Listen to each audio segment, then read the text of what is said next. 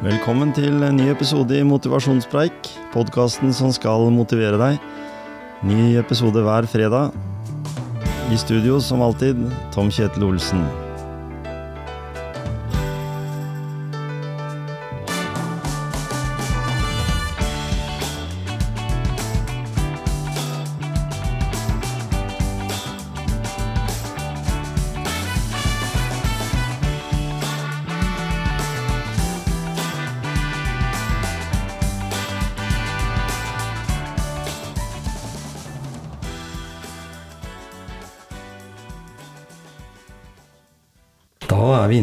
Episode i Motivasjonspreik, og han jeg har fått besøk av her i studio i første etasje, det er eh, Tor Øystein Eriksen. Velkommen. Takk skal du ha. Veldig hyggelig å være her. Det er første gangen jeg har eh, noen på besøk som eh, har vært programleder i favorittprogrammet til kona mi, Oh, Norge? Rundt. Ja, ja, ja, jeg har vært der to ganger. Det Ja. var en uh, morsom opplevelse. Ja. Uh, det er jo utrolig mange seere som Norge Rundt har, da, så en får jo mange kommentarer etter å ha vært programleder der, som naturlig er. Mm. Og jeg tenker sånn Akkurat Norge Rundt som serie har nok sikkert vært diskutert i NRK i disse dager, så de skal spare inn på ting. Det forsvant Sportsrevyen, og så har de fortsatt å ha da Norge i dag og, og, og Norge Rundt. For det er jo programmer som folk er opptatt av. Sånn eh, lokalit... Altså, jeg syns jo de skal jo være litt kreative de programlederne. Du måtte vel finne på litt av hvert? Det er klart at eh, Jeg pleier å si det sånn at eh, eh, en bør ikke dra helt til New York eller Washington for å finne de interessante historiene. Du kan Nei. dra til naboen. Eh, og Jeg husker jeg har vært på noen yrkesveiledningskurs på forskjellige skoler rundt omkring. Og de hører jeg jobber i NRK, så sier de å, jeg vil gjerne bli utenrikskorrespondent. Er du så sikker på det, sier jeg. Ja. Du vet at den beste historia, den ligger i nærmiljøet ditt. Der finner du de gode historiene. Og det er nettopp det som er eh, selve clouet for Norge Rundt. Gå inn i hverdagen til folk, og der finner du de gode historiene. Ja, og du, men du har jo vært eh, korrespondent, og du. Ja, jeg har vært, jeg har vært i Stockholm i 1979. Mm. Da hadde jeg akkurat eh, fått fast jobb i Ja, det var jo noen år siden jeg hadde fått fast jobb, men eh, så spurte Gunnar Gran, da, eh, sjefen for, eh, for Dagsnytt, om jeg hadde lyst til å bli korrespondent i Stockholm. Eh, og da var jo det en sånn ren radiostilling, og det sa jeg mer enn gjerne takk til. Mm. så snakka vi med i familien, eh, med kona, og så dro vi til Sverige. Da bodde vi i Asker, eh, og dro til Sverige og bodde der på St. Eriksplan. Det var en fantastisk tid. For det skjedde jo så mye i Sverige, og så er det veldig sammenlignbart med norske forhold. Ja. Så det er, det noe, det er ikke noe vanskelig å lage de gode historiene derfra. Nei? Så, så jeg hadde tilholdssted i Sveriges Radio og jobba ut ifra det stedet der, og fikk veldig mange kjente der borte. Så Stockholm det er en by jeg har vendt tilbake til. Mm. Og da tenker jeg at når du jobber sånn, og du er opptatt, som du sier, av det som skjer rundt deg, så er jo det en, en egen god egenskap også i TV. Altså, Vi ser jo det i dag, så er det jo veldig mye TV som du ikke skjønner så mye av. Men det, det var liksom mer, mer jordnært og mer forståelig. Ja, altså eh, Jeg lærte jo veldig mye i Dagsnytt. Jeg pleier å si at eh, det var ikke på journalistskolen jeg lærte å skrive, det var stort sett i Dagsnytt. For der var det sånn at du må komme fram til poenget med en gang. ikke sant? Folk, Den gangen så var jo NRK monopol, og folk kunne ikke skru av og på hele tida. De måtte, de måtte få det når Dagsnytt-bulletingen gikk på lufta. Og Gunnar Gran han lærte meg at eh, du må huske på at eh, folk skal skjønne det med en gang. Ikke mange innfløkte setninger og vanskelig tilgjengelig fremmedord. Men si det som det er med en gang. Og det var jo sånn at hvis vi hadde gjort en eller annen flause, så fikk vi et gult ark i hylla vår. Den gangen var det ikke mail osv. Så, videre, ikke sant? så han påpekte hele tiden at nå har du gjort en feil, sånn kan vi ikke ha det. Så det lærte jeg veldig mye av. Men det er som du sier, altså Journalistikk det dreier seg om å bryte ned de vanskelige sakene til det som blir forståelig for folk flest. For jeg har jo sånne mediekurs, og da sier jeg til disse folkene som, eh, som jeg har eh, under opplæring, at eh, du, du må ikke forklare det slik du skal, slik du skal slik du snakker med kollegen din, men du må forklare det slik du skal forklare det, si det til kona di, til søstera di, til mora di, til kjæresten din. Da går det plutselig et lys opp for dem. Det er sånn du når fram til folk. Og, og når du har hatt en fartstid på over 40 år i NRK, det stemmer det? Eh, hva sa du nå? Nei, har du, du har jo vært i NRK i over 40 år. Jeg har vært i NRK, altså jeg begynte i NRK som stipendiat. Jeg, jeg gikk jo etter journalistskolen, så tenkte jeg at jeg måtte prøve å komme i NRK, for det hadde alltid vært drømmen min. og, så, øhm, og dette var vel i 73, så fikk jeg en sånn opplæringsstilling. Trodde aldri i verden jeg ville få det. Eh, Men jeg søkte og kom inn. Det var masse prøver og greier og sånn sensitivitetstrening og masse greier. Men jeg kom faktisk inn, eh, og der reiste jeg rundt på forskjellige distriktskontorer. Og så ble jeg ansatt i Dagsnytt eh, i 1974 eh, på kontrakt. og og fast i 1976, eh, var det vel. Så, så eh, jeg har jo vært i over 40 år, ja. Men så har jeg vært ute av NRK da i et par år. Men det var ikke vekk ifra å være Ja, da var det sånn at jeg hadde lyst til å gjøre noe annet, og da søkte jeg på en jobb som jeg ble spurt om å være, bli, bli eh, nyhetsredaktør i Varden.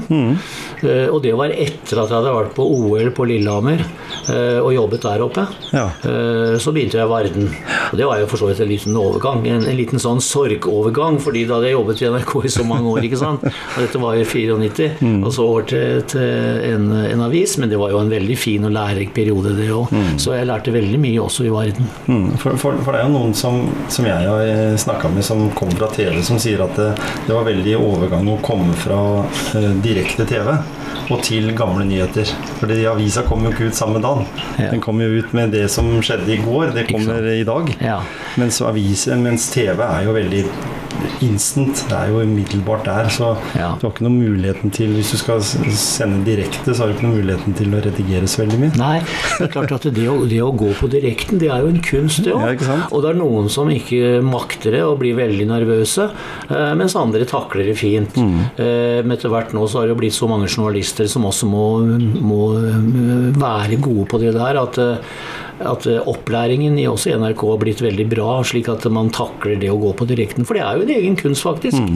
Eh, mange er veldig nervøse, og du ser at de står noen med stive øyne ikke sant, og kikker. Eh, og jeg ser jo med en gang når jeg sitter og ser på TV sjøl at oi, her er det en nybegynner, eller han eller hun har vært der i lang tid. Så det er ganske spesielt å se på akkurat det der. Det er ganske avslørende. Fjernsyn er avslørende. Men det er jo selvfølgelig en del triks du kan lære da, som gjør at du går hjem hos folk. Eh, Så eh, jeg prøver å si til folk når jeg holder, holder disse kursene mine, at eh, vær ærlig. Eh, Ikke, ikke spill en annen rolle enn den du har. Vær deg sjøl, det er det viktigste. Men, men når du på de siste åra i NRK, så jobba du jo her oppe på, På Borgåsen. Borgåsen. Eh, så er det mange som på en måte, Du var litt sånn syvende far i huset, vil jeg tro. Det var jeg, vet du, sammen med et par andre. Så Ja, var jeg det. Ja, ja. Og, og da kommer det mange unge journalister til da, som har ambisjoner og vet altså, det, Du har jo en CV med deg, som, som den jobben du har gjort, både fra Dagsnytt og sånn. Så er det mange som tenker åh, søren, han vil jeg lære mer av. Og det har du har gjort, det, liksom. Du har satt i gang med egen virksomhet for å, som du sier her, jobbe med andre, eller motivere andre til å lære bedre. Ja, altså Etter at jeg slutta i så tenkte jeg at hva, hva søren skal jeg finne på nå? Jeg har jo familie. Jeg har barnebarn og barnebarn, og jeg har hytte og, og, og hus eller leilighet. Men jeg tenkte jeg må jo kanskje ha noe annet å drive tida med òg. Så tenkte jeg jeg er jo egentlig ikke ferdig helt med journalistikken, men kanskje i en litt annen form. altså lagde jeg det firmaet som heter Konkret kommunikasjon, eh, og begynte å arrangere kurs eh, har for næringslivet, for politikere, eh, for, for diverse organisasjoner. Mm. Så har jeg laget podkaster. Og det har jo vært Og da kan, da kan du jobbe akkurat når du vil. Det er ingen som liksom vekker om morgenen og sier at nå må du på jobb, men du bestemmer sjøl hvordan du vil gjøre det, Nemlig. og hvor mye du jobber. For du har jo pensjonen, ikke sant. Og du kan jo tjene akkurat så mye du vil utenom den nå. Så nei, det har gitt meg veldig mye, og det er veldig artig, for eh, jeg er jo ikke, jeg er jo ikke lei av å treffe folk. Nei, ikke sant? Jeg er ikke lei av å snakke med mennesker. og og eh, du lærer jo også å bli en ganske god menneskekjenner mm. når, du, eh, når du er journalist eller driver et sånt byrå som jeg gjør nå. Da. Mm. Og så ser du litt fra en litt annen side også, kanskje? For nå er du jo sjøl Ja, aleine om det. Og, da, og det, er jo ikke, det er jo ikke bare sånn at og jeg, Men jeg, det er jo ganske interessant det du sier der med hensyn til at du ser ting fra en annen side. fordi at når du jobbet i, eller da jeg jobbet i mediene, så var det jo sånn at du kom i en slags forsvarsposisjon, ikke sant. At mm. det mediene gjorde, det var riktig, og det, kom, det er litt sånn blant journalister. Mm. Men, men, nå så tenker jeg at herregud, her må de enkelte mediene ta sjølkritikk, eller enkelte journalister tar sjølkritikk og si at dette her var en tabbe. En kan ikke holde på sånn. Men nå er det jo så mange medier at det er helt mm. umulig å, å finne fram. Eh, Sjøl så leser jeg selvfølgelig en masse internettaviser hver dag, men det er sikkert mange jeg heller ikke, heller ikke når over. Og det er klart, jeg tror de fleste journalistene de er jo de er jo dyktige, og de vil gjøre en god jobb, men selvfølgelig så faller de utenom noen ganger. Mm. Så det er jo trist, da. Mm. Og så er, er, det mange som får eh, programlederjobber i dag som ikke har journalistbakgrunn engang. De er jo bare vært et ansikt. Ja, nå er jo ikke journalist, journalist, Journalistyrket er jo ikke et sånt um, yrke som er verna, på en måte. Nei, I, dag, I, dag, er jo faktisk alle journalister. Mm. Ikke sant? Du har jo alle de sosiale mediene. Du har Facebook, du har TikTok, du har Instagram og alt sammen. Mm. Og alle kan jo si sin mening, og det er jo bra for ytringsfriheten. Men du får jo også veldig mye rart, da. Og det som jeg syns er litt trist, det er det at mange av de som skriver på de sosiale mediene, de kan jo ikke det med debatteknikk. De blir jo mye sånn ikke nettroll direkte, men det blir mye sånne personlige angrep. Mm. Og du kan ikke holde på med det hvis du skal ha en seriøs debatt Nei, og en sak, så må du holde deg Og Du kan ikke begynne å karakterisere personen. I hvert fall ikke med en gang. Nei. Og bare si f.eks. at du er en stor tullekopp. Ja, du kan jo selvfølgelig gjøre det. Eller at du er en rørekopp, og dette er bare vrøvl. Men du, du, det, er, det, er, det som kanskje mangler i de sosiale mediene. Man, mm. man må vi, vise litt etisk sans, altså. Du mm. kan ikke bare ture fram som nettroll. Men, men, jeg tenker sånn, når du, når du kom til uh, ulike intervjuobjekter, i Dagsnytt f.eks. Ja. Uh, og, og framover nå. Det, var det noe sånn at den blå mikrofonen fra NRK eh, var veldig mange av de som skulle intervjue oss, de ville helst komme dit for de visste de nådde flest? Var det litt sånn? Ja, det var jo sånn, ikke sant. At det ble jo hele, den gang vi var monopol, den gang NRK var monopol, så var det jo veldig mye eh, jobbing blant mm -hmm. en del politiske partier og andre organisasjoner for å komme på lufta for å spre sitt budskap. Mm. Eh, men jeg må jo si at jeg var jo veldig eh, imponert over mange av de politikerne jeg intervjua den gangen. Du må huske på at den gangen da jeg begynte, så sa vi faktisk 'de' til statsministeren. Ja. og det er forferdelig rart å tenke på i dag. Men så husker jeg en gang eh, på en søndag var det vel, så ringte jeg til Kåre Willoch og lurte på mange av han statsminister. og lurte på Eller var han formann? Jeg husker ikke riktig, men han hadde i hvert fall en sentral posisjon i Høyre. Eh, og så sier jeg til han at du må komme opp til Marienlyst. Han bodde ikke så langt derfra, regner jeg med, på Frogner et eller annet sted, Majorstua. Og så kommer han opp ikke sant, og er jo vant til å være inne i Det var et sånt kontorlandskap allerede den gangen. Mm. Og så var det vel noe Jeg tror det var abortspørsmålet vi skulle, jeg skulle stille, stille, få intervju om. Ja. Så sier han ja, må du huske på det, sa han, at uh, jeg vil bli kjørt. Du må være hard i spørsmålsstillingene dine. Mm. Ikke spar meg. Så det var, var, men så var det andre politikere da, som var veldig nærtagende, og som kanskje var uh, litt uh, mindre vant med mediet enn Kåre Willoch. Og jeg skal jo nevne én ting da, som jeg er veldig lite stolt av. Og det var under en politisk utspilling på fjernsynet her i Telemark for uh, en del år siden, så kom det to veldig hyggelige og elskverdige damer fra et uh, spesielt parti. Jeg skal ikke nevne navn her, for det kan jo slå opp i avisene. eh, og de trodde faktisk at de skulle kanskje til litt kaffeslabberas foran den politiske utspillingen foran fylkesting og kommunevalget. Men Gisle Espeland og jeg vi hadde jo eh, lest dette partiprogrammet helt fra A til Å, og veldig, veldig gira. Hadde blitt opplært i å være litt aggressive og litt kritiske i spørsmålsstillingen fra mm. Tom Berntsen og Bjørn Hansen, som da jobba i Dagsrevyen og hadde disse sentrale utspørringene. Og vi sto jo på, ikke sant? Og det endte med, tro det eller ei, at disse to damene forlot studio gråtende.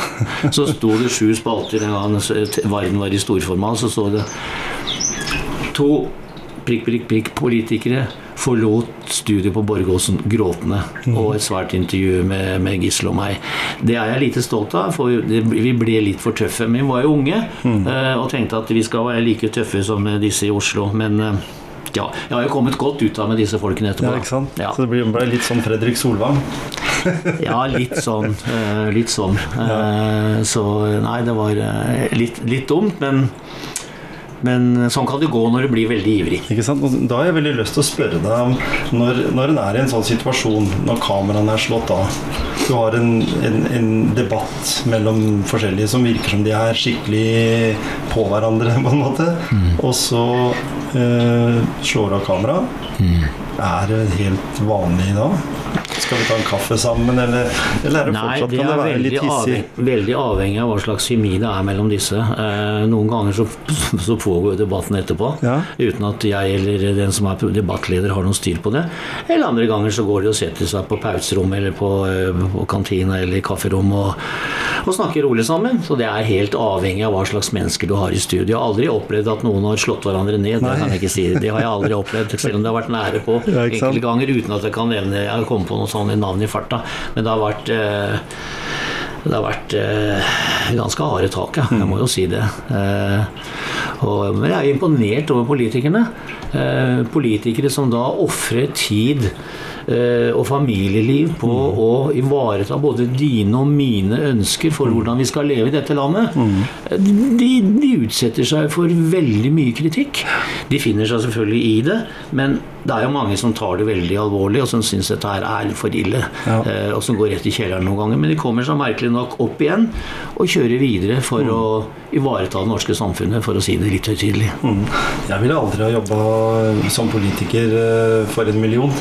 Nei, så, ikke så jeg heller. for det må være 24-7. Det er jo liksom på hele tida. hele tida. Og du ser jo lokale eller politikere her i Skien da, som, som har stått fram og vært litt for personlig. Ja. Det er ikke bra, det heller. Nei, det er ikke Nei, det er uh... Så du låser på en måte den delen. Den får du bare holde innendørs hjemme. Ikke sant? Uh, Men det er utrolig rart at det skal være sånn. Du kan liksom si at ja, men nå var jeg på jobb, nå er jeg ikke på jobb.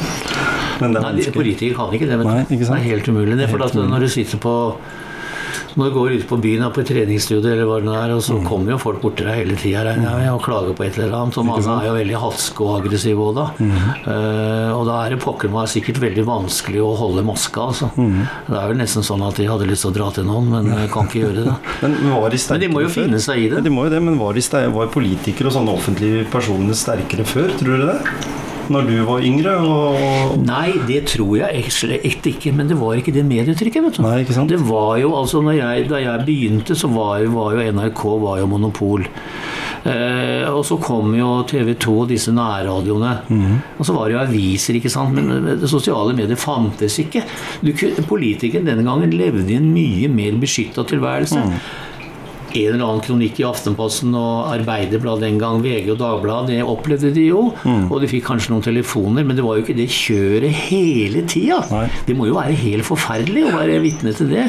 Og være politiker og hele tiden må takle sånne prosesser. Mm. Jeg skjønner ikke de klarer det. Og det, og det er jo litt sånn med, med det at det du gjør akkurat her og nå Altså Fra tidligere så kunne du redigere. Du kunne ta en telefon ned til avisa og så si at du, kan dere ikke drøye den artikkelen eller ta bort akkurat det? Mm. Ja. Det er jo ikke mulig da på sosiale medier. Det er gjort, det er gjort. Gjort er gjort. Og det skal veldig mye til før du kan øh, slette det som du har skrevet på Facebook eller Mm. Instagram eller hva det måtte være. Så, så det, de lever farlig, altså. Mm. Men de velger jo sjøl, så Men jeg har jo også tenkt på at er det noen som gidder å bli politiker til slutt? For mye av den hetsen de er utsatt for. Mm. Eh, det kan jo være at eh, og for å, for å få et demokrati så må vi jo ha Mm. valgte representanter. Du kan jo ikke holde folkeavstemninger hele tida. Du må jo ha noen, må jo ha noen talsmenn og -kvinner. Mm. Noen ombudsmenn. Og det er jo politikerne. Og hvis de forsvinner, hva da? Går vi da mot et diktatur? Mm. Jeg er redd for det. Ja, og det, er jo, og det er jo sånn at veldig mange av de er jo lidenskapelig opptatt av å bidra. De vil jo altså politikerne nå, nå blir jo nesten sånn en sånn panegyrisk hyllest til politikerne, men jeg er litt opptatt av dette her, fordi at eh, de er jo valgt av folket. mm. og de vil jo det beste for deg og for meg. Ja? Altså Det er ikke sånn at, de, at politikerne er onde, men de har jo et program å forholde seg til.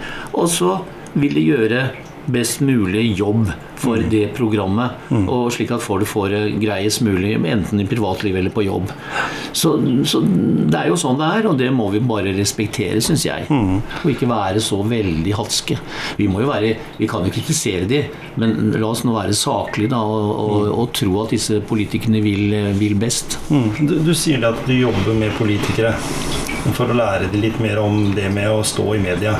Eh, er det noe du ville ha sagt til Støre og Vedum akkurat i den situasjonen de har vært igjennom det siste halvåret? Ja, nå skal ikke jeg være sånn der, eh, pretendere å være en ekspert på kommunikasjon, men jeg syns nok kanskje at eh, de har et problem med å kommunisere en del av de, de politiske vedtak som de har. Eh, De får jo ikke ut til folk. Eh, Altså Det stopper jo opp. Jeg husker jeg husker Høyre hadde jo en eh, tidligere NRK-medarbeider for øvrig som satt på skuldra til Erna Solberg hele tida og sa at det må du gjøre, det må du ikke gjøre. Eh, og hadde peiling på hvordan mediene fungerer. Og det syns, der syns jeg det brister, både hos Støre og, eh, og Vedum. Og det virker som om det er eh, lite erfaring Nå er jeg litt forsiktig, men det er, altså, det er lite praktisk mediekunnskap på statsministerens kontor. Mm, sant? Det, det, det syns jeg er ganske skremmende. Eh, og det har jeg også sett andre innenfor i Arbeiderpartiet har vært opptatt av. Men hvorfor det er det, det, det vet jeg ikke. Eh, Støre han var jo flink da han var i da han drev valgkamp. Da hadde han noen egne folk som, eh, som hjalp ham med, med budskapet. Men det virker som det ikke fungerer helt der nå. Nei. Uten at jeg vet årsaken til det. Kommunikasjonsrådgivere som ikke er gode på kommunikasjon? Eller ikke så gode de burde være? Nei, altså, jeg, vet, jeg, vet ikke om de, jeg vet ikke om de Nei, jeg tror ikke de Jeg tror de kanskje har litt manglende forståelse for hvordan mediene fungerer, og det er jo veldig Mm. rart, da. På eh, eh, i Norges eh, høyest plasserte embete. Ja. eh, At ikke kommunikasjonsrådgiverne der fungerer. Men, der, men, men det høres ut som jo liksom jeg skal gi en gode, gode råd til de, men, men jeg har jo en erfaring både fra, fra mediene og nå som kommunikasjonsrådgiver, så jeg kan en del om det der. Så, eh, men nå har jo de jo ansatt en eh, en egen kommunikasjonsrådgiver, har jeg sett, så de har vel innsett da, mm. at det har eh, vært et lite problem der. Mm. At de har vært i grøft som de må komme seg opp av. Ikke sant? Så får vi se hvordan det fungerer eh, heretter. Det blir spennende. Ja, det gjør det. Det blir spennende. Veldig. Du starta din, eh, ditt liv, eller din barndommen din, den har du på Kleiva i Skien. Rett over på andre sida her som vi sitter nå. Eh, Hva på en måte var det den største inspirasjonen din i den oppveksten du hadde der?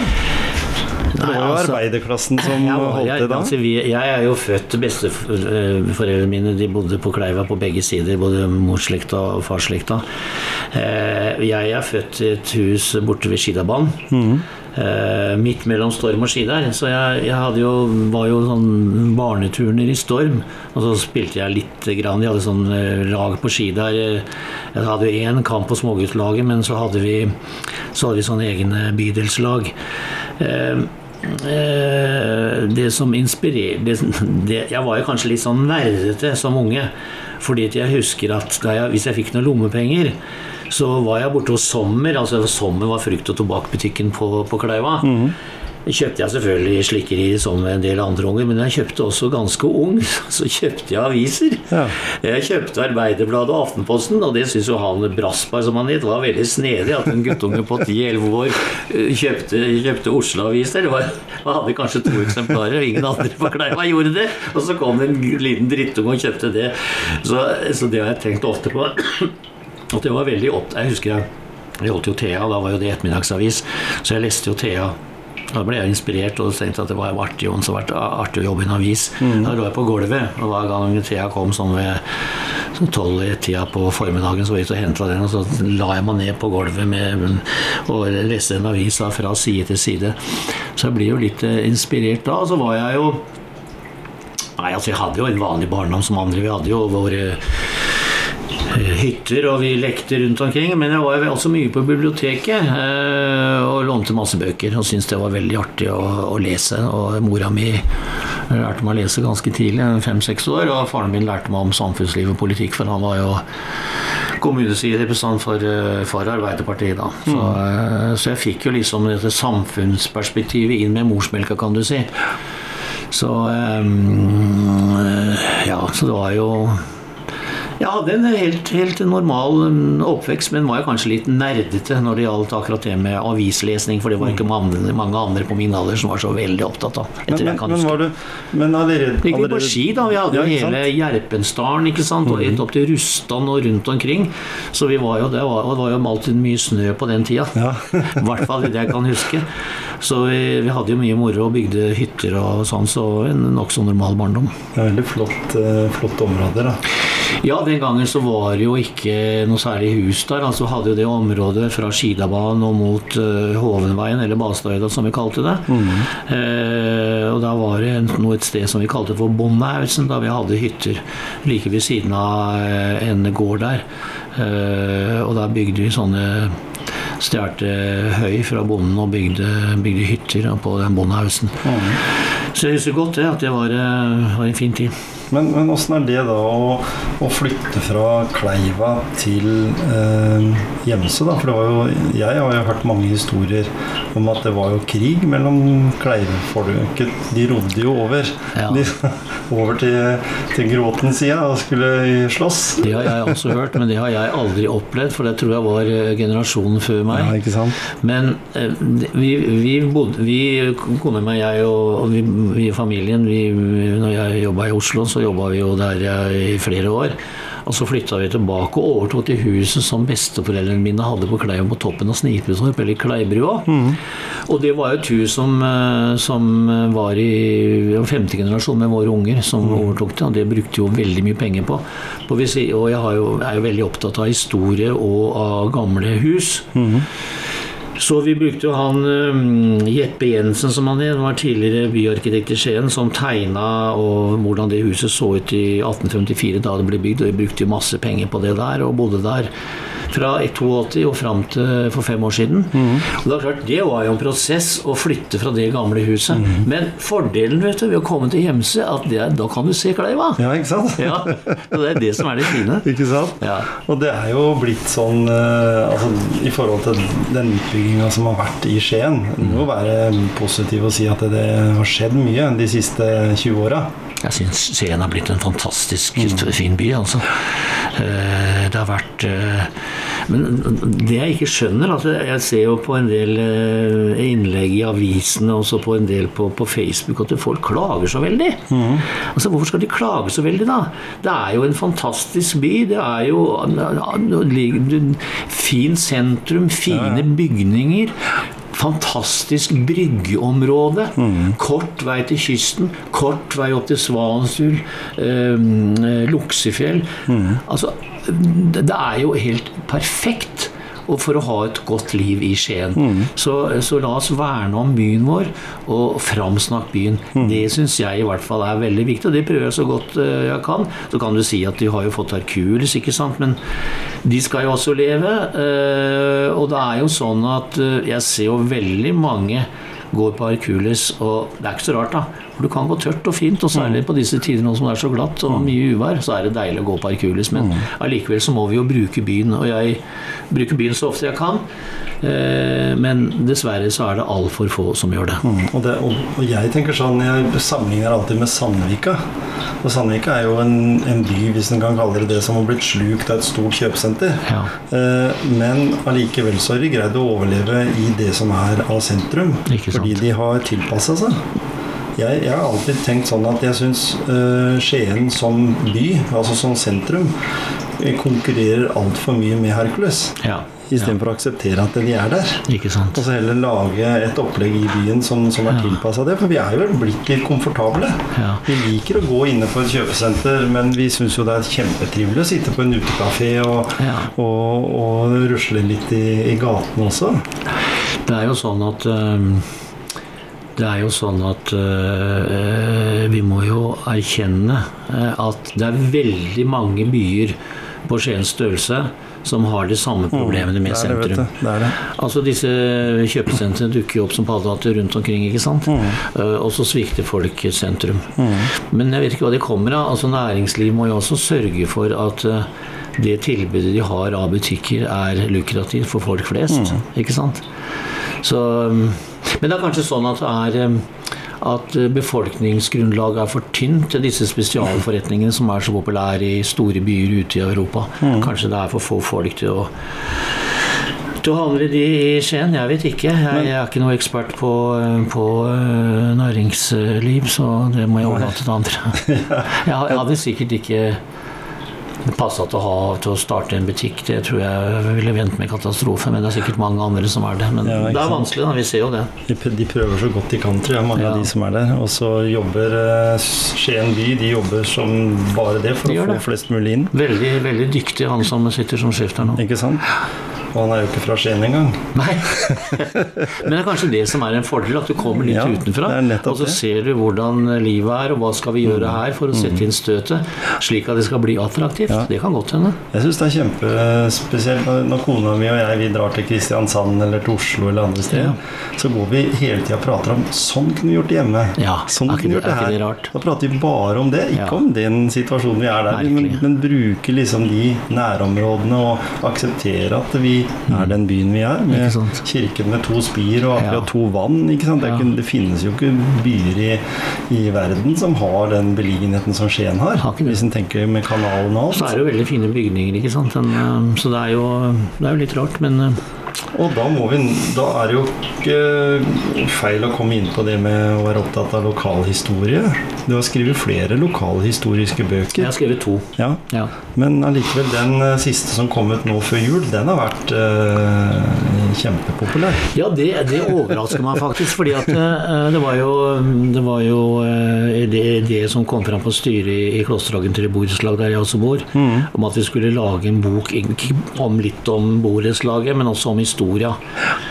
Fordi at eh, jeg hadde jo sett ganske lenge at dette her er jo et utrolig spesielt område. Det mest interessante historiske området i Skien. Så ble det ikke noe av de andre om borettslaget, men vi kjørte det som et sånn ren historisk verk, eller bok. Ja. Eh, og det har jo blitt utrolig vellykka. Jeg hadde regnet med at vi skulle selge noen hundre i løpet av kort tid, men alle tusen bøkene gikk jo ut i løpet av tre og en halv uke. Og jeg eh, skrev jo sånne dedikasjoner så jeg, så jeg svetta og fikk vondt i handa. Eh, Så solgte vi veldig mye gjennom bokhandlene. Ja. Men det, det var, det var, jeg må jo si at det har faktisk vært en suksess, og vi har fått veldig mange gode tilbakemeldinger på den boka, så de er jo veldig glad for. da. Jeg syns boka her har et fint format. Vi har den faktisk her. For jeg, nå, for jeg, var litt, jeg var litt sleip, da, for jeg tenkte at jeg fikk den her i julegave. Du fikk den i julegave, så Ja, moro. og men den hadde ikke noe, noe underskrift. Nei, ikke det ikke noe signatur. Ja. Så tenkte Nei, jeg at den, jeg kommer til å benytte sjansen til det her etter hvert. Men det som er artig, da, det er jo at det, det er jo en del ting som er vanlige bilder, som har vært på Facebook tidligere. Jeg var med å lage en kalender i fjor. Den har jeg sett. Eh, Den er fin. og så tenkte jeg at det, det som er litt moro, da, det er at det, boka den tar jo for seg egentlig et veldig, veldig lite område. Ja, det er det. Du vet at det, Da jeg sa til folk, til venner og kjente og familie, at jeg skulle skrive bok om området fra eh, Klosterfoss og bort til Faret, eller Hakastein, da, Ja, så sier, så sier Nei, jøsse navn, skal du skrive bok om det der bitte lille området der? Det er jo nesten Det er bare halvannen kilometer, ikke det engang. Det, er ikke noe, det har ikke skjedd noe der. Nei vel, så vent og se. Nei, det var jo, altså det var jo Jeg kunne jo skrevet om mye mer, men jeg kan nesten ikke skjønne eh, at det har vært så mye opp gjennom århundrene på dette området. Og tenk på det! At her på Hakastein kom altså kristendommen til Norge 200 år før Olav den hellige innførte den. Hva var det som egentlig skjedde? Ingen vet. Ingen vet. Vi vet bare at vi har funnet omrisset av en steinkirke. 200 år før kristendommen ble innført i Norge. Eh, Og likeledes så er det altså da et område som ingen vet det heller, men det er mye grunn til å tro at det var her på en måte bydannelsen i Skien eh, skjedde, og ikke inne i ved, ved brygga der Nei, nei. I, i sentrum. Nei, og det er jo ganske snedig å tenke på. Og det ligger jo altså 1000 mennesker begravd der ute. Det var en stor kirkegård. Ja. Uh, Så her, det, det, her kan du spekulere mye hva hva som egentlig har skjedd. Uh, Men vi får jo aldri vite, ikke sant. Og vi vi vet jo at kloster også var et av de største i Norge. I hvert fall sånn i ja, hva de eide, og, og landområdene som de hadde kontroll på. Og der er det jo ganske interessant det du nevner med kloster, fordi at den, den striden mellom sentrum og Gjemse mm. er jo kandidat Nei. Den skjedde jo mellom 1100-tallet og 1300-tallet òg.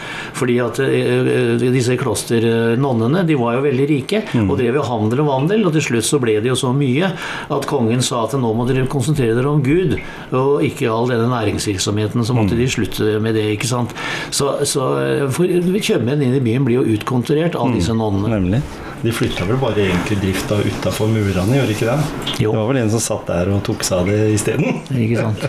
så nei, det er kjempeinteressant. Eh, jeg har jo prøvd å finne det jeg kan. Jeg har lokalhistorie som jeg har i hylla her, av, ulike ting. Eh, veldig mye av fokus har på Gjemse kloster. Einar Østvedt skrev jo veldig mye om eh, kloster og, og, det, og om byen. Tor Gundersen har jo skrevet mange, så det er mange sånne som har vært gjengangere i å å samle. Så, men, men hva, hva, var det som sånn innerst inne motiverte deg til dette her, utenom kanskje akkurat den? For du vet jo fra før at det er mye jobb. Ja, jeg brukte to år. Ja. Brukte to år på den boka. Mm. Eh, eh, og det som motiverte meg, det var vel det at jeg eh, for en del år siden, like før jeg slutta i NRK, så lagde jeg en dokumentar, en TV-dokumentar mm. om eh, et par der eh, eh, kona var, eller kjæresten, Den ene dama var fra Skien, og han andre var fra Tyskland. De ble kjærester i 1939, altså før krigen. Mm. Og så skjedde det at han kom til Skien. Eh, og ble gjenforenet med kjæresten sin, som da bodde der. Og ble installert i Schwarzenborn, altså den leiren som lå der Hercules ligger nå, og som strekte nesten hele dette området. Og så tenkte jeg det var jo en veldig spesiell historie. Og der hadde jeg en del bilder. Og de var aldri offentliggjort tidligere. Vi, vi fikk jo eh, jeg må nesten fortelle den historien, fordi mm. jeg var på et eh, seminar arrangert, arrangert av Telemark historielag på Fylkesmuseet, eller på museet for uh, Telemark museum, for en del år siden. Så var det en mann som kom bort til meg der og sa det at uh, jeg vet om en kar som har, uh, som har film fra denne leiren i Skien og fra Skien. Og jøss, og jeg, hvor finnes det? Og jeg fikk jo høre reise meg på, mm. på, armene mine. Finnes det? Ja da, han heter det og det. Og han kjente jo fra før, han hadde aldri fortalt meg det, at faren var tysk-soldat, og at uh, mora var fra Norge, og at, hadde, at han hadde vært stasjonert der ute. Og det, det ble jo en dokumentar som vi kalte 'Kjærlighet til krig', og som gikk på NRK. og Fikk ganske mange seere, og den har gått i reprise flere ganger. Og så tenkte jeg det var jo ikke bare den som lå der. Tidligere tider så var det jo andre ting der òg. Men det var egentlig foranledningen til at, at, jeg begynte å interessere meg for dette området. Ja. Og det er som du sier, mange har skrevet veldig mye. Mm. Men det har liksom ikke vært en samlet oversikt der du går fra A til Å for å fortelle om dette stedet. Og mm. det jeg så for meg mm. eh, da vi fikk den ideen på dette styremøtet i Klosterhagen borettslag idrettslag. Så satte jeg i gang, da. Og jobba seint og tidlig og brukte veldig mye tid i Riksarkivet. Eh, Snakka med folk som eh, hadde bodd i området tidligere. Og gikk inn i masse litteratur og satt på biblioteket. Det fine er jo nå at eh, nå ligger jo stort sett alle bøker ligger jo på eh, Nasjonalbiblioteket, så du kan jo mm. bare gå inn ikke sant, og, og, og, sjekke. Eh, så jeg gjorde jo det, og brukte veldig mye tid. Men jeg fant jo ut at mange av disse mange av disse dokumentene som gjelder den tyskleiren, de var jo klausulert. Det at du kan ikke få de før det har gått 100 år, hvis ikke du har spesielle Hvis ikke du har forsker eller har tilgang på annen måte, så får du ikke disse dokumentene. Så jeg måtte jo bare si, si stopp der. Men, men, så kom jeg jo, jeg snakka med folk, og, og, så tenkte jeg Det var jo også et føde igjen der ute. Er det noen av disse ungene som er født der, som lever nå. Mm -hmm. Og så var det tilfeldig jeg snakket med en dame her ute på, på Hjemsø. Som forteller ja, ja, mora og faren min de kjenner en uh, gutt, eller kjenner en, uh, en familie da han mannen er, er, født der. Og den mannen han het Knut Papendorf, og han fikk jeg tak i.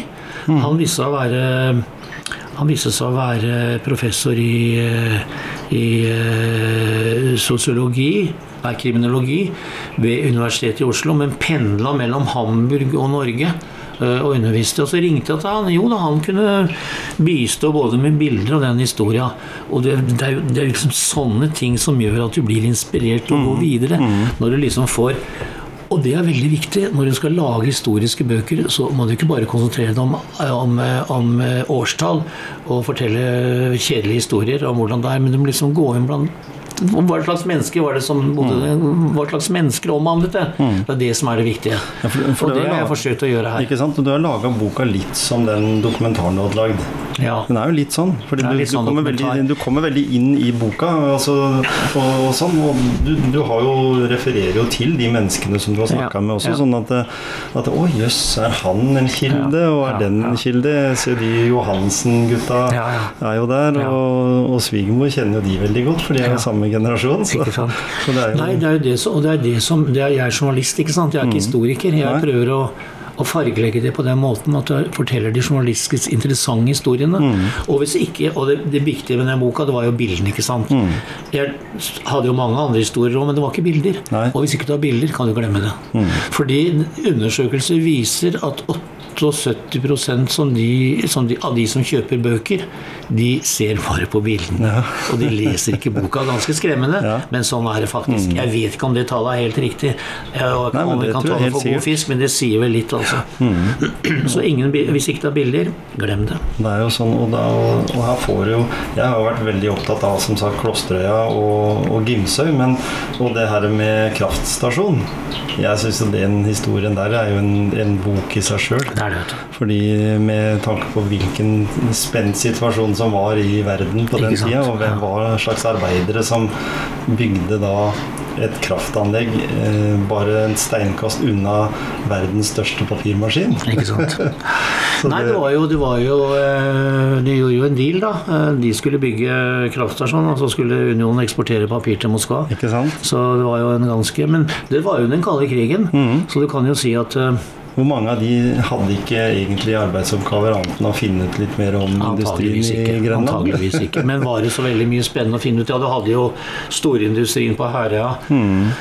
Og eh, en del andre ting, men ja, det, de lå jo et stykke fra militære anlegg sånn sett. Ikke sant. Så ja, de kunne jo dra bort til Vestfoldkysten og i fullt av det, så, og det var kanskje også noe i Langsund på den tida, men ellers var det vel ikke så mye og spennende å se for sovjetrusserne. Tida hadde Men det er som du sier, det var jo det var jo den kalde krigen og krigen, og, og mange reagerte sikkert. mm, Syns det var spesielt. Men så hadde jo ikke mange åra før så hadde jo hatt besøk av russiske fanger, eller i hvert fall fanger nede på, på eh, den militærleiren, eller ikke militærleiren, men fangeleiren. Ja, ikke sant.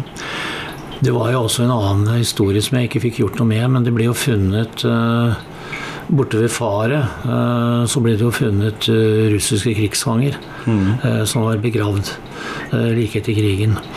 Det er en historie som ikke er fortalt. Eh, jeg vet ikke om det ligger noe der, men det var en, som, en eh, historiker som fortalte meg og ga meg litt stoff omkring det. Jeg fikk ikke gjort noe med det, men eh, de ble vel antageligvis eh, Var vel kanskje Var på sykehuset, og så var de døde, og så ble de ikke ble de bare gravlagt der. Men om de ble begravd opp igjen og sendt videre til, til Sovjet, det vet ikke jeg. Det fikk jeg ikke gjort noe med. Kan være en sak for Tore Strømme, en tidligere kollega av deg. Sant? ja. Men eh, nei, fantastisk. Eh, Jeg har lyst til å sånn avslutningsvis høre litt om hvordan du jobber med firmaet ditt. Altså sånn Ja. i forhold til eh, det å jobbe med mennesker. da Du nevnte jo litt her tidligere politikere og andre som ønsker litt medieerfaring. Eh, og, og, og lage podkaster. Nå er vi jo på en podkast her nå, og det er jo kanskje et medium jeg tenker er framtida i forhold til kommunikasjon, der en ikke behøver å ha på seg finstasen, men en kan allikevel snakke om, om saker og ting og, og ha budskap. Og så kan du i tillegg eh, få eh, høre på det akkurat når du sjøl vil. Nei, Jeg pleier å si det sånn at podcast, for Eldre mennesker spør om podkast, hva er det? Nei, det er det samme som radio, jeg. Ja, ikke? Eh, Det er bare et litt finere ord. Eh, og det er, det er jo et medium som når langt. Mm. Og, og eh, er ikke så pretensiøst. Altså, ikke sant? Her sitter vi og snakker i hver vår mikrofon eh, og har en kommunikasjon.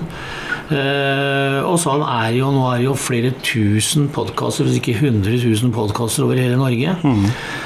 Da jeg begynte med dette her for en del år siden, så var det jo forholdsvis nytt. Eh, men jeg hadde jo radioerfaring, så for meg var jo dette her helt greit. Mm. men nå har jo stadig flere oppdaget at man kan lage podkast. Og det er jo helt fantastisk. Men ett problem er jo selvfølgelig hvor mange lyttere får du. Fordi det, det må, krever jo en ganske stor markedsføring. Fordi de forsvinner jo på alle disse podkast Altså du har jo på, på uh, Spotify. eh, du har på, på eh, Apple Podcast, på Google, ikke sant. Så det, skal jo noe til for å finne fram til de. Eh, og jeg lurer noen ganger på hvordan folk klarer å finne fram til disse podkastene. Det må jo være fordi de er interessert i et emne, som f.eks. det du driver med, motivasjon. Så går de jo inn på motivasjon, og så dukker jo din podkast opp, og det er jo kjempebra. Eh, men f.eks. det er jo flere hundre podkaster om ski, eh, om bøker, om fiske. Eh, men det viser jo bare at ytringsfriheten i Norge den har kommet langt. Alle kan nå kommunisere, og det er jo kjempebra. Jeg husker for mange år siden så så, så, så hadde vi jo eh, stort sett eh, monopol med store TV-kameraer, ikke sant. Og så sier jeg til noen av de som jobbet med dette her, at eh, bare vent noen år siden, så er denne iPhonen her, den er, den er altså det som blyanten er i dag. Nei, nei, nei, de kan ikke tenke, de kan ikke Jo, det var det, og det stemte jo. Og jeg var jo en av de første i NRK som lagde reportasjer med en iPhone. Eh, og jeg syns det var helt fantastisk, for det var jo en helt annen måte å lage journalistikk på enn å drasse på disse store kameraene. Jeg husker at det, da jeg begynte i NRK, så var det én skript, det var en lysmann, en lydmann, en fotograf og en reporter. Så forsvant skripten, så forsvant lysmann, så forsvant lydmann. Så forsvant fotografen, og nå gjør jo reporteren alt. ikke sant? Enten med en Icon eller et litt større kamera. Det er, en, det er en demokratisering som, er, som har skjedd. Og du kan jo, du bør ikke nødvendigvis jobbe i, i en stor mediebedrift som NRK. Du kan, som du sier, lage podkast, eller du kan, du kan vise disse her på forskjellige sosiale medier. Du har alle muligheter. Men når det gjelder akkurat det du sier med Nå prater jeg meg helt bort. her, ja, bare, bare, bare prat. Nei, jeg tenkte på det du snakker om eh, når det gjelder eh, når det gjelder eh, denne, denne bedriften min, altså konkret kommunikasjon, så, eh, så ja, er det jo sånn at eh, der tar jeg oppdrag fra folk som gjerne vil bli litt bedre i å kommunisere. eh, Hvordan de håndterer mediene. Lage podkaster. Og jeg forsøker på etter ringe evne, eller den, den, med den kunnskapen jeg er, har, å lære de lære bort. Og jeg har laget et sånn strømlinjeformet opplegg eh, tilpassa enten du er i en organisasjon, politisk parti eller næringslivet, så får du Og det som folk syns er så morsomt med dette, er fordi at vi hele tiden har vi caser. Så de blir jo intervjuet, og så er det evaluering etterpå. Så de ser seg sjøl på TV ikke sant, og ser om de har fått fram budskapet sitt, eller om de må endre seg. Og det er ganske virkningsfullt når de ser den evalueringen som foregår etterpå. Det er kanskje det mest spennende. Mm. Men, men syns du den eh, I dag så er det jo, som du sier, det er lettere å formidle noe. Jeg husker jo for noen i år tilbake så skulle Nils Otto Sem, som jobba i Thea, Ja. han skulle lage en eh, reportasje om et eller annet jeg holdt på med, og så dro han fram mobiltelefonen for å ta bilde på slutten. Og da hadde jo jeg tidligere, husker jeg jo, de hadde jo med fotograf med svære Ja, ja, ja. linser, og det var, ikke, det var liksom masse greier rundt det.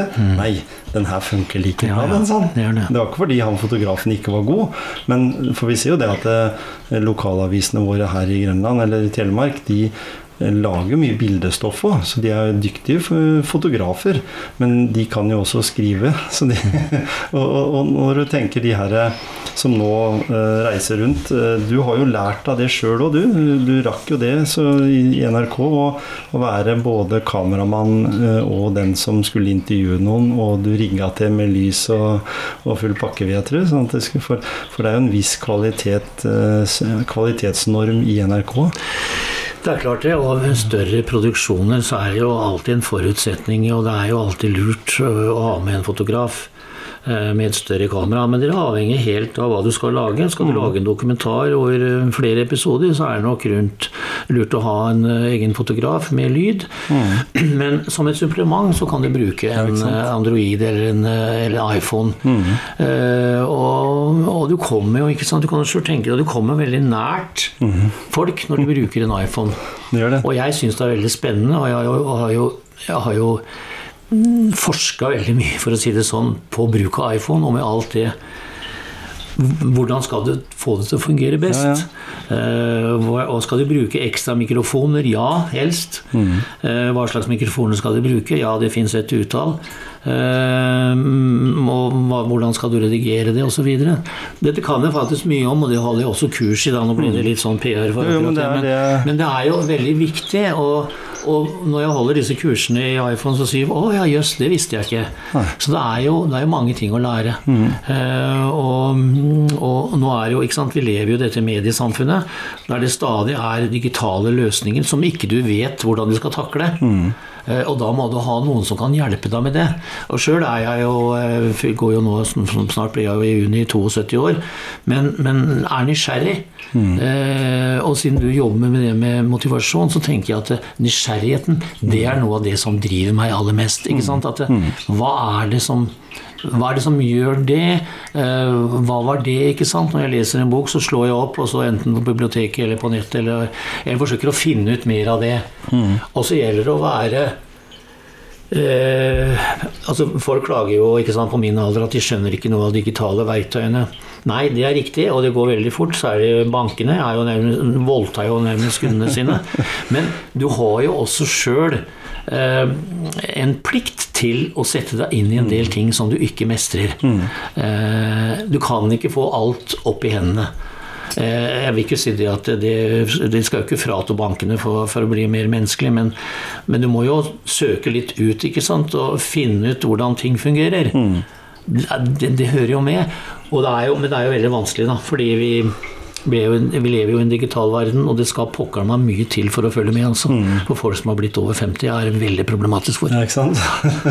Men, og, og det, kunne kanskje vært en mellomløsning her. Altså, ting, skal, ting går jo veldig fort. Jeg har jo jobba i den bransjen sjøl. Jeg husker jo fra den første mobiltelefonen kom, når vi bærte den i koffert. Ikke sant? Og du, du måtte ha den bak i bilen. Du hadde ikke med Ja, ja. Og så fram til den første håndholdt, husker jeg. Folk var jo helt i ekstase. Også i dag som du da har en iPhone som er hele livet ditt. Du, mister du den, så mister du alt. På en måte.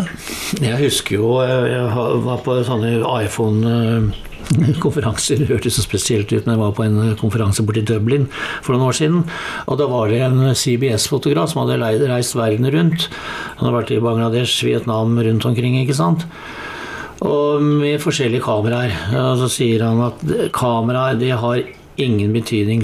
Det som teller, det er historien, og hva slags historie du skal fortelle. Så jeg lager de like gode historier med det store kameraet her som med den lille iPhone. Og det har jeg alltid bitt merke i.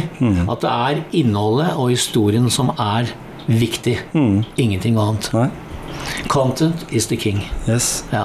Og det er jo sånn Historiefortelling er jo er alt. Jeg ser jo når jeg holder eh, ølsmaking, f.eks., så er det jo fortellingen rundt ølet som er viktigere Ja. for mange enn akkurat hvordan det smaker. For det kan hende de syns det smaker høyt. Ja. ja, ikke sant. Men det er liksom tanke Og og ideen nå er det to, ja, to mannfolk ja, som har gjort det der. Og de har liksom bygd opp det helt med, med egne to tomme hender og langt oppe i en fjellbygd, liksom. Som ingen skulle tro at noe kunne bo på. Så det er jo litt sånn. Men eh, jeg syns jo det var fantastisk at du kunne ta deg turen. Jeg har lyst til å spørre helt på tampen eh, ditt forhold til humor. Hvordan, eh, hvordan bruker du humor sjøl i hverdagen? Nei, altså jeg har veldig lett for å, for å le av meg sjøl. Og jeg kan nevne et eksempel. Altså jeg har jo en elendig til å tegne. Altså jeg, jeg har jo tegnekunnskaper som ligger på et uh, fire år gammelt barns nivå. Uh, og de der sønnene mine og barnebarna de uh, sier 'Kan ikke du tegne en jente eller en gutt?' Og så tegner jeg det, og det ser jo helt forferdelig ut. Og jeg ler og ler og ler, og i familieselskaper så kan ikke du vise de tegningene dine. Jeg viser han de tegningene mine, og jeg syns det, er- det er fantastisk. Og det, du må kunne le av seg sjøl, altså. Mm. En kan kan ikke ta seg sjøl så utydelig at ikke det er mulig å ha humor med det en gjør. og, og sånn. Så, så humor syns jeg er veldig viktig. Jeg er kanskje ikke så veldig god til å fortelle direkte vitser, Nei, nei. men det er heller ikke noe poeng. For Nei. det som er poenget, det er heller historien. Morsomme historier, uten at verden skal være sånn punchline som en vits. Men, men eh, humor, jeg elsker humor, og, og eh, har evne til å le av meg sjøl, er jeg helt sikker på. Ja. Tror, tror du det er viktig å ha en sånn form for humor i disse tider vi er i nå? Ja, Vi kaller det for, for galgenhumor. Det kan jo være vanskelig da, når eh, Putin rykker stadig nærmere. Så er jo selvfølgelig det er et, eh, det er et problem. Men hvordan skulle vi overleve ellers, da? Eh, Hvis ikke vi skulle, skulle være litt eh, humoristiske. Og, men jeg, ser- jeg syns det er morsomt med ironi òg, da. Det er jo tett opp til humor. Men jeg ser jo at hvis du kommer med litt ironi på Facebook, så er det ikke, så, er det ikke alle som skjønner det. Nei, nei. Så det Ironi kan du glemme på Facebook, for det blir tatt opp i aller verste mening. Så det har jeg slutta med. Men humor, gode historier, ja, nei, det er jo helt eh, vesentlig for at vi skal få et godt liv. Det tror jeg. Og kanskje kommer det flere bøker, eller? Du skal ikke se bort ifra det. bokprosjekt? Eh, Jeg begynner å bli så gammel etter hvert at jeg må vel tenke litt nærmere på hva jeg skal gjøre. Men, eh, men jeg syns jo historie er, eh, er kjempemoro. Altså, Og når denne boka blir så godt mottatt, så, så er jo det litt artig. Og så ha- har vi jo, skal jeg presentere denne boka på noe som heter Bo møter folk. En tidligere kollega som har et sånt eh, eget eh, foredrag, eller et show, eller hva du kaller det, på Gråtamoen Beatleses. Ja. Den 23. januar, så da skal vi sitte og snakke om denne boka. Så da er eh, folk hjertelig velkommen. Det var jo dagens reklame. ja, ikke sant? Noen av lytterne våre da som er interessert i det, så er det bare å ta turen opp til Gråtamoen Gråtemoen Ja, 23. Januar. Så bra. Tusen takk for at du eh, kom deg inn her på et eh, nokså vinterlig eh, føre. Ja, nei, det var veldig hyggelig å, å være med i denne postkassen, så jeg sier tusen Ja. takk for at jeg ble invitert. Takk for at du har lyttet på en ny episode fra Motivasjonspreik. Vi håper at du også lytter til en av våre andre podkastepisoder som ligger ute på alle mulige avspillere. Velkommen tilbake neste fredag. Mitt navn er Tom Kjetil Olsen, og jeg har ledet deg gjennom denne podkasten.